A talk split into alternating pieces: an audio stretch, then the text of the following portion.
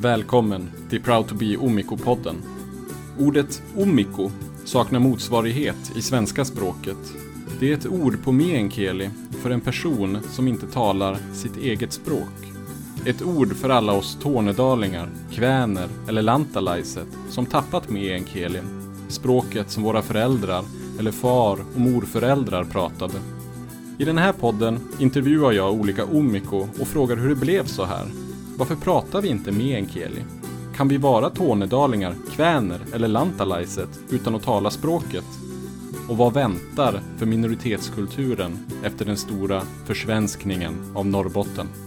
Mitt namn är Daniel Fjällborg. Välkommen till Proud to be Omiko.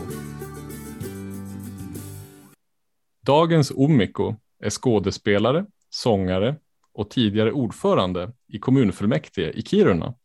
Numera arbetandes för Bonnierförlagen i Stockholm. En 23-årig lantalainen som gärna vill prata mer om sin morfar och relationen till meänkieli. Välkommen Mattias Timander. Mm, tack, vilken fin introduktion. Tack. Kände du igen dig själv i den väldigt korta introduktionen? Ja, men det, det är nog jag det där. Hur, eh, eh vad kul att du vill vara med i podden först och främst. Eh, hur är din relation till meänkieli? Var kommer den ifrån så att säga? Vilka har pratat det runt omkring dig?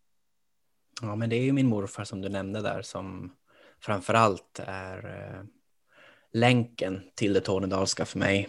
Men sen är det ju också så att tornedalsfinska och också finska eftersom min pappa är från Finland alltid funnits närvarande. Som det där språket man inte förstår men ändå på något sätt förstår. Liksom någon slags, um, något slags korn av en aspekt av förståelse.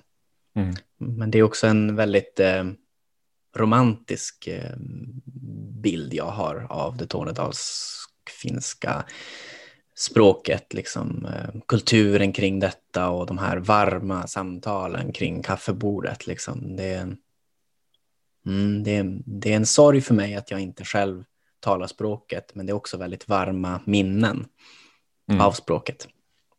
Hur är din egen kunskap i meänkieli?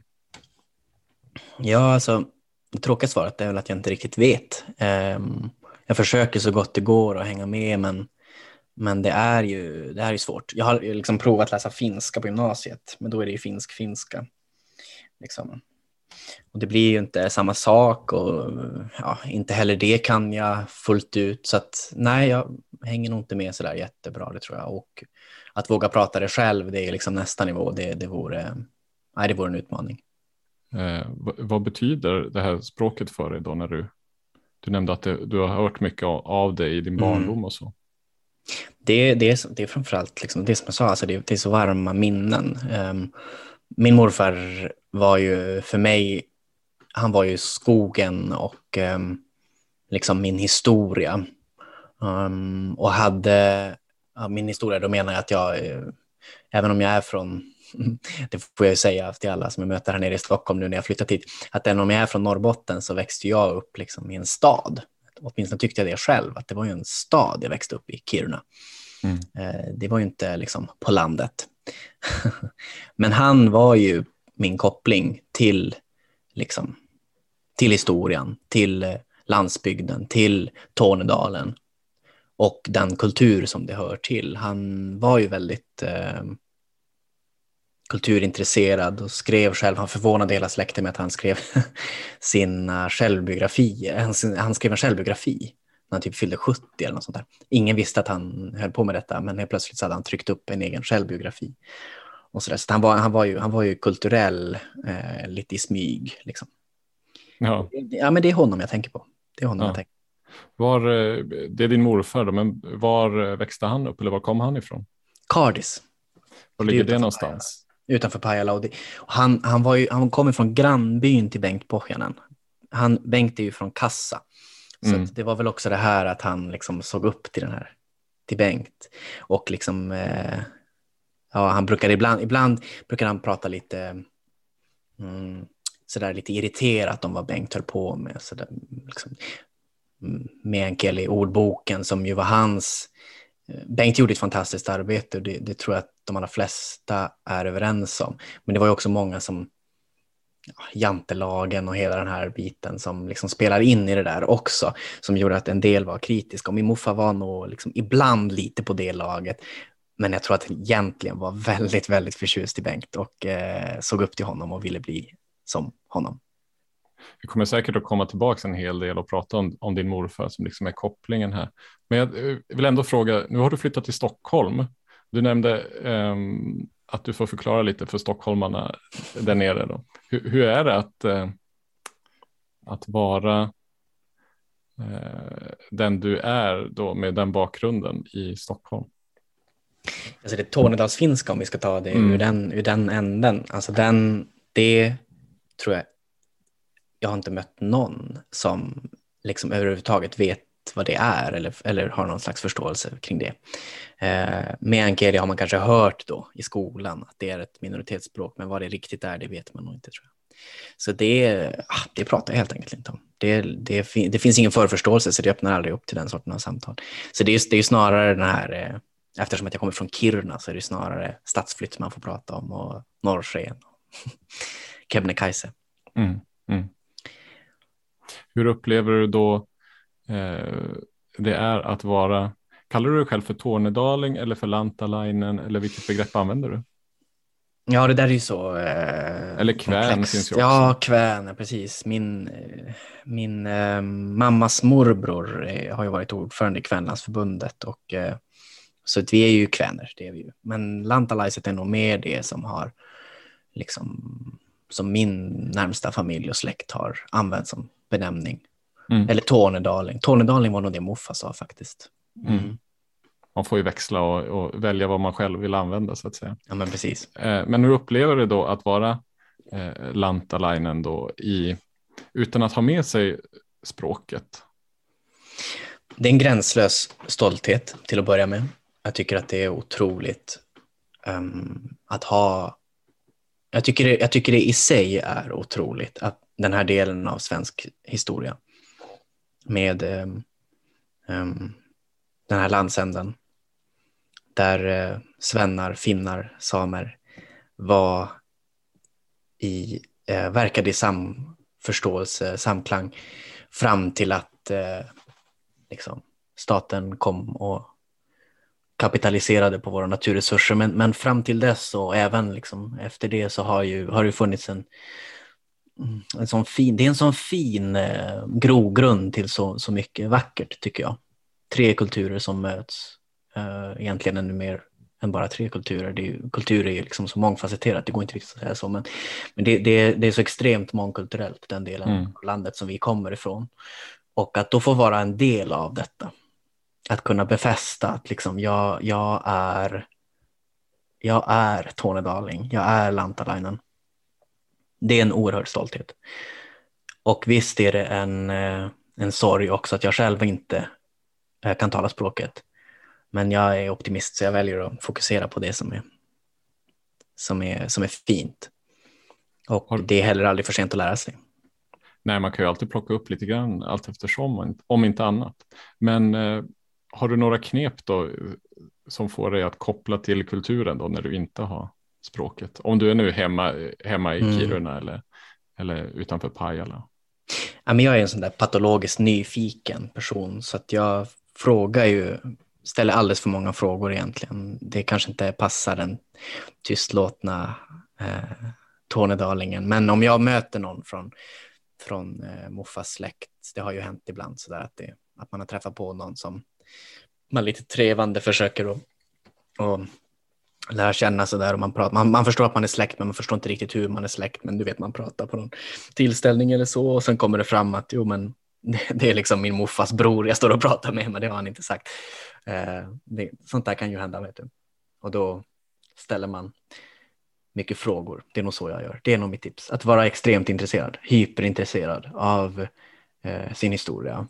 För det öppnar upp till eh, så mycket om sig själv som man inte mm visste att man visste och inte visste att man inte visste. Alltså att eh, eh, de där historierna som man redan har hört hundra gånger eh, som gamlingarna drar. Mm. Ställ, ställ liksom följdfrågor. Det är oftast otroligt intressant när man får gå på djupet. Jag, jag liksom pressar ju ur eh, historier ur alla eh, från de tidigare generationerna som jag möter. Jag, jag har, så har jag nog varit sedan jag var barn, att jag tycker det är så fascinerande med den här svunna tiden. Liksom. Du nämner de här olika historierna som du har fått eh, med dig från olika släktingar. Så har, har du någon på lager eller vad, vad är det för typ av historier du får höra? Muffa han berättade alltid om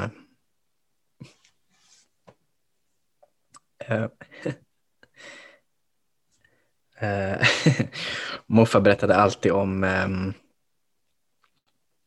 Armas Cristo i Pello. bara, ja. det, bara det namnet tycker jag är så fantastiskt roligt. Armas Cristo. Han var alltså någon slags eh, eh, köttförsäljare tror jag. Eh, som stod på marknaden och eh, krängde kött. Mm, och så hade han ett stort högtalarsystem där han skrek ut eh, eh, de senaste erbjudandena, liksom vad det var för, vad det var för pangpris just nu. Och eh, det som var liksom då ett running joke var att, att han ropade då i högtalarna Sköttfärsk SU50! Att det var liksom det då. Och också att han någon gång, det här är ju så liksom för bra för att vara sant, men att, att, han, att någon gång så var det någon som frågade om han hade färsk oxfilé och att han då enligt uppgift ska ha gått bakom liksom sitt marknadsstånd och så hörde man ett skott och att han då sköt en oxe bakom, bakom sitt tält. Det tror inte jag på att det är sant. Men det är, det är sådana här skrönor man fick höra av gamlingarna i byn. Och när alla andra ungar sprang ut för att eh, leka eller vad man nu ska göra när man är litet barn så satt jag kvar där. Förstod kanske hälften, men eh, lyssnade ändå. Ja. Blev historierna då någon slags blandning med en kille svenska eller hur var det? Ja, men ofta så. Tyvärr var det oftast punchlinen som var på meänkieli. Att de kanske berättade på svenska, men sen så kom poängen på meänkieli, så man fattar inte varför det var roligt, men man förstod att det var roligt. Ja, ja men det kan jag känna igen mig i. Den där tror jag har upplevt också. men eh, hur kommer det sig då, tror du, att du inte lärde dig eller fick lära dig det här språket? Har du funderat någonting över det? Men dels så tror jag att det ligger i väldigt starkt mer än vad de själv förstår så tror jag att det ligger i väldigt starkt en, en skam i grunden. Det är klart att vi är påverkade av att man var uppe och mätte skallar på tornedalingar. Det är klart att vi är påverkade av att man inte fick döpa sina barn till namn som inte lät svenska. Det är klart att vi är påverkade av att man inte fick tala språket. Eh, att man fick smäll på fingrarna i skolan om man talade finska med sina kompisar. Även om man bara kunde finska. Um, jag tror det sitter i. Jag tror att det påverkar en person uh, för resten av livet och att man måste kämpa med att bygga upp en stolthet igen. Att man måste liksom, det faller sig inte naturligt att föra det vidare till nästa generation om man har som barn fått veta att det är fel och dåligt och dumt. Um, så det tror jag är jätteviktigt. Men också att, eh, också att det fanns en eh, någon slags ganska allmän spridd uppfattning när jag var barn. Eh, kanske inte riktigt när jag var barn, men på 90-talet tror jag har jag läst mig till att det var, fanns en sån uppfattning som var rätt, rätt spridd om att man skulle liksom inte lära barnen att tala fler än ett språk. För det kan hämma språkutvecklingen. Att man ska liksom börja med att lära modersmålet ordentligt. Sen, sen kan man lära sig andra språk. Och det är ju i princip alla språkforskare idag helt överens om att det är helt fel. Alltså, ju fler språk desto bättre. Man får ett rikare ordförråd, större förståelse för eh, språkbruk och semantik och allt det här. Så eh, de två sakerna i kombination kanske gjorde att, att det blev inte, bara blev inte. Mm, mm. Du har ju eh, några syskon va? Mm, stämmer. Hur, eh, ett, ett par bröder eller hur ser det ut? Mm, två äldre bröder. Två äldre bröder. Hur ser det ut i familjen? Har ni pratat någonting om det här till exempel? Att, jag antar att dina bröder heller kanske inte pratar eh, meänkieli. Är, det, är det någonting som har kommit på samtal hur det kommer sig så att säga?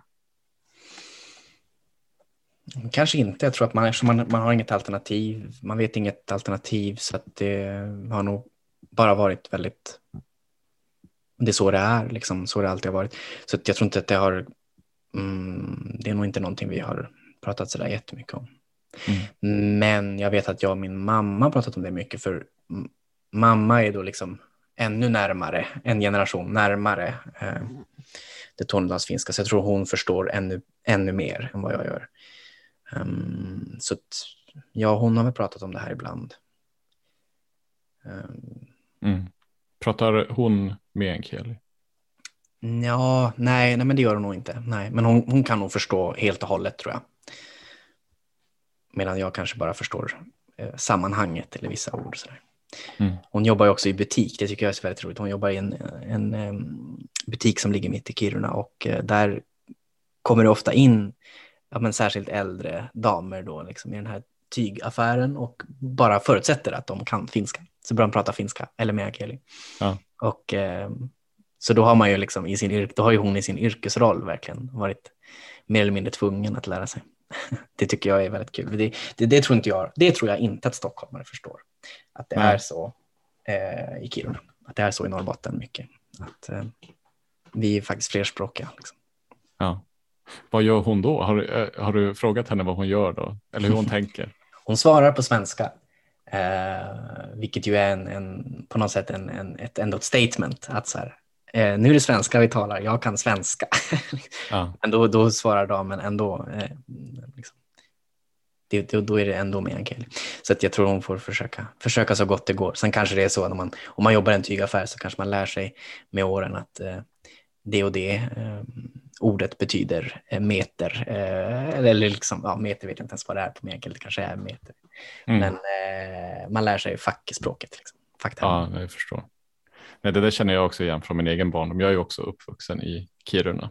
Och det, är mycket, det. det har ju varit mycket växlande fram och tillbaka mellan meänkieli och, och svenska. Vars, vars kommer dina, eller vad är din koppling till det tornedalska?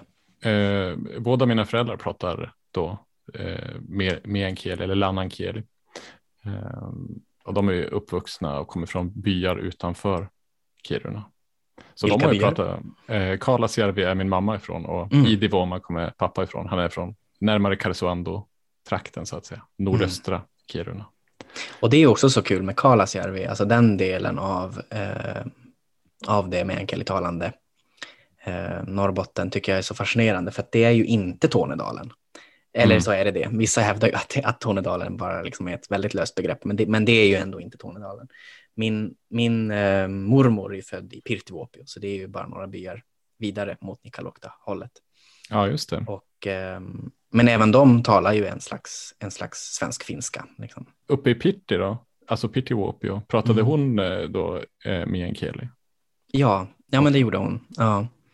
Och det är fjällbönder, fjällbönder som någon gång tidigt 1700-tal eh, tror jag kom från någon annanstans ifrån. Vars ifrån vet man inte. Det här är ju så tidigt. Det finns ju mm. inga riktiga ordentliga källor där. Men, eh, men det är ju det är också, det är också med Angeli. Nej men precis. Och för mm. de som inte känner till riktigt det här så Kalasjärvi och Pirtiuopio det är ju egentligen samma dalgång kan man säga. Mm. Det är samma sjösystem som sen rinner ner i Kalixälven. Så som du mm. säger geografiskt kanske inte är Tornedalen eftersom att Torneälven är ju på något sätt Tornedalen. Mm. Och det här är mer Kalixdalen. Ja, men precis. Ja. Kalix älvdal. Exakt. Mm. Så eh, meänkielen finns ju även utanför Tornedalen. Mm. Eller lannankieli är det vissa som kallar det för. Mm. Som den dialekten eller varieteten. Precis, ja. Mm. Blev det lite sådär allmän info. Du nämnde den här relationen med din eh, morfar mycket och så sa du att du är uppvuxen i en stad i Kiruna och han på något sätt var din koppling till skogen eller till eh, utanför stan. Hur mm. menar du då? Men han visade ju upp skogen för mig. Han visade ju upp liksom hur, till exempel så följde jag med honom på älgjakten och det var ju så otroligt eh, viktigt för mig att, eh, att få förstå. När jag sen har, har läst eh, litteratur, vetenskap och jag skrev om Torgny Lindgren till exempel, då har jag en annan förståelse för eh, det samhället tidigt 1900-tal, 1800-tal. Ehm, som, jag, som kanske inte mina jämnåriga har. Och det är tack vare honom. Att jag, jag har liksom sett eh,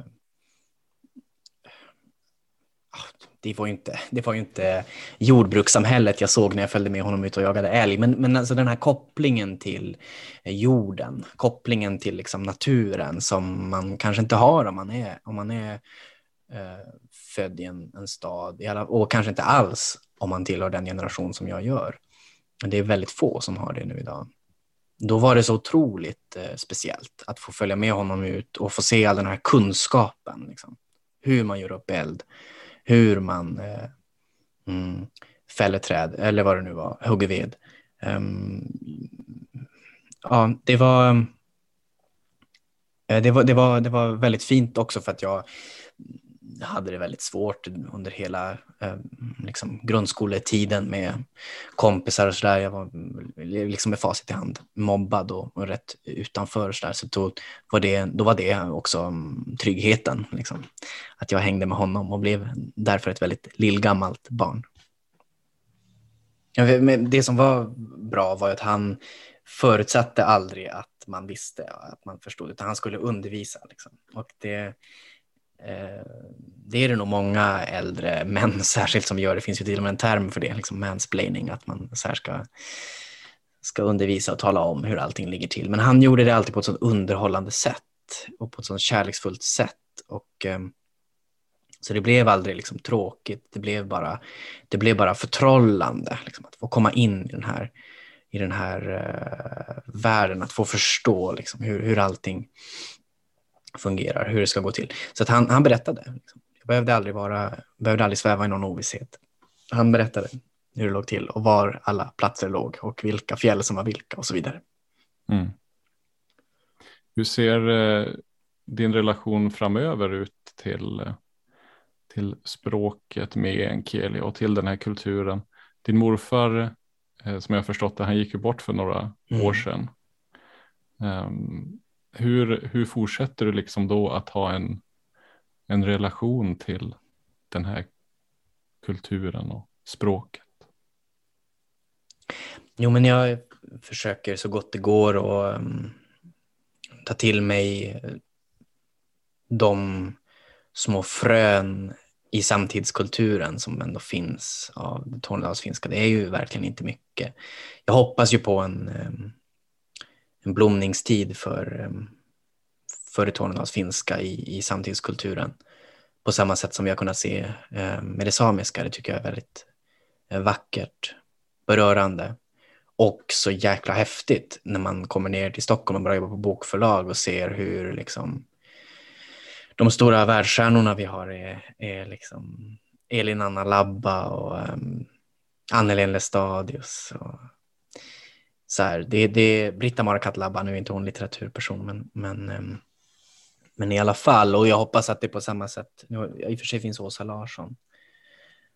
Men det, det, det ser jag fram emot att få ta del av ännu mer eh, samtidskultur som kommenterar detta, som tar upp detta och, ehm, och jag försöker att i största möjliga mån ta del av, den som, av, av det som finns redan. Sen är det väl den här nyfikenheten, liksom, att försöka tillskansa sig så mycket information som möjligt. Aldrig släppa den nyfikenheten, aldrig släppa hyperintresset för, för det här.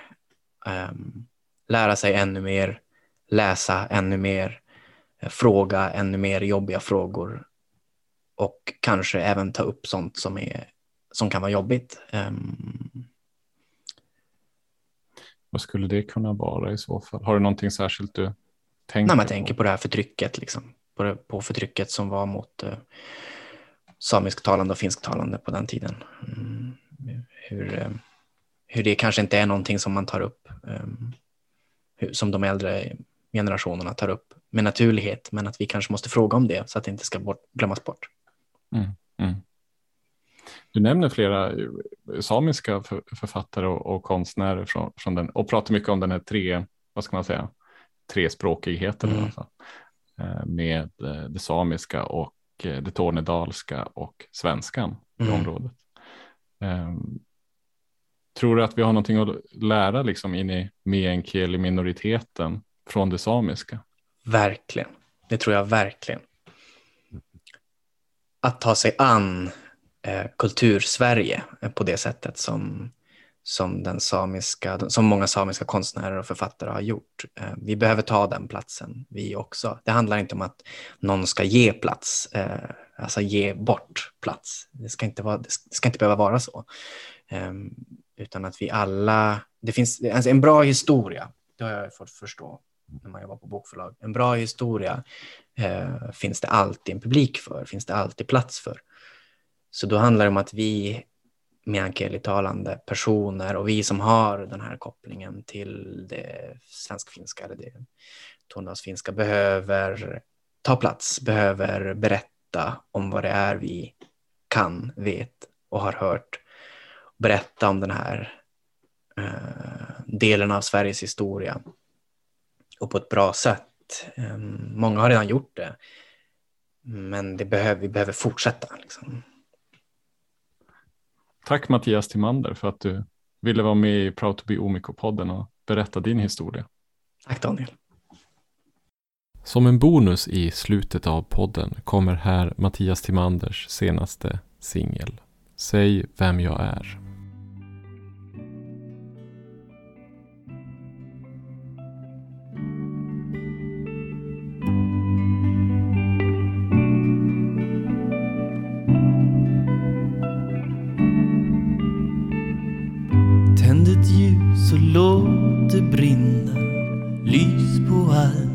Måste hinna.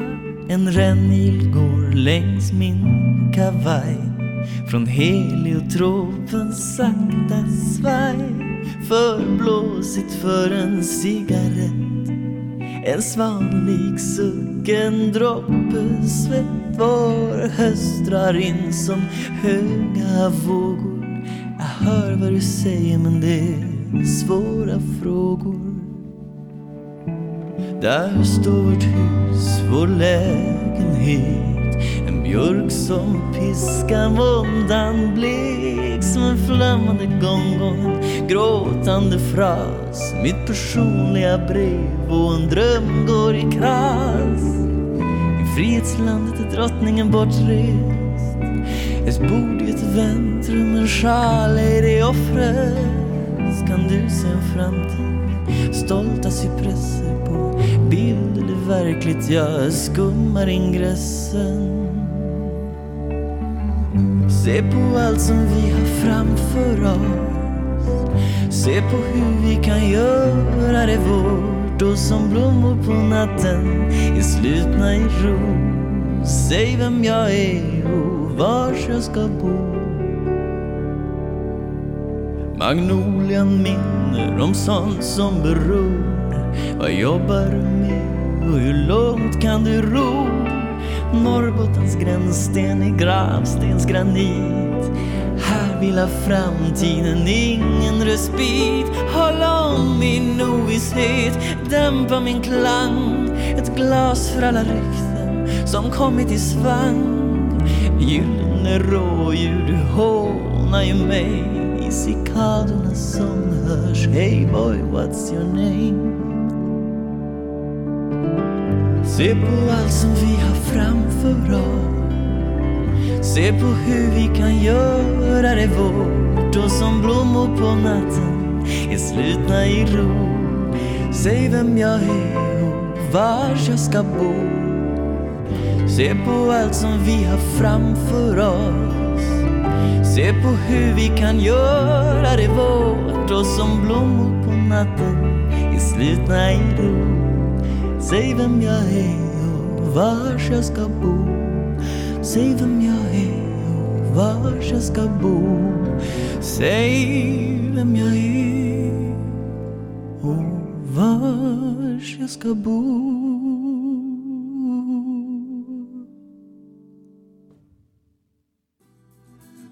Tack för att du lyssnat på Proud to be Omiko-podden. Följ oss gärna på Instagram för uppdateringar om nya avsnitt. Eller besök vår hemsida www.omiko.se.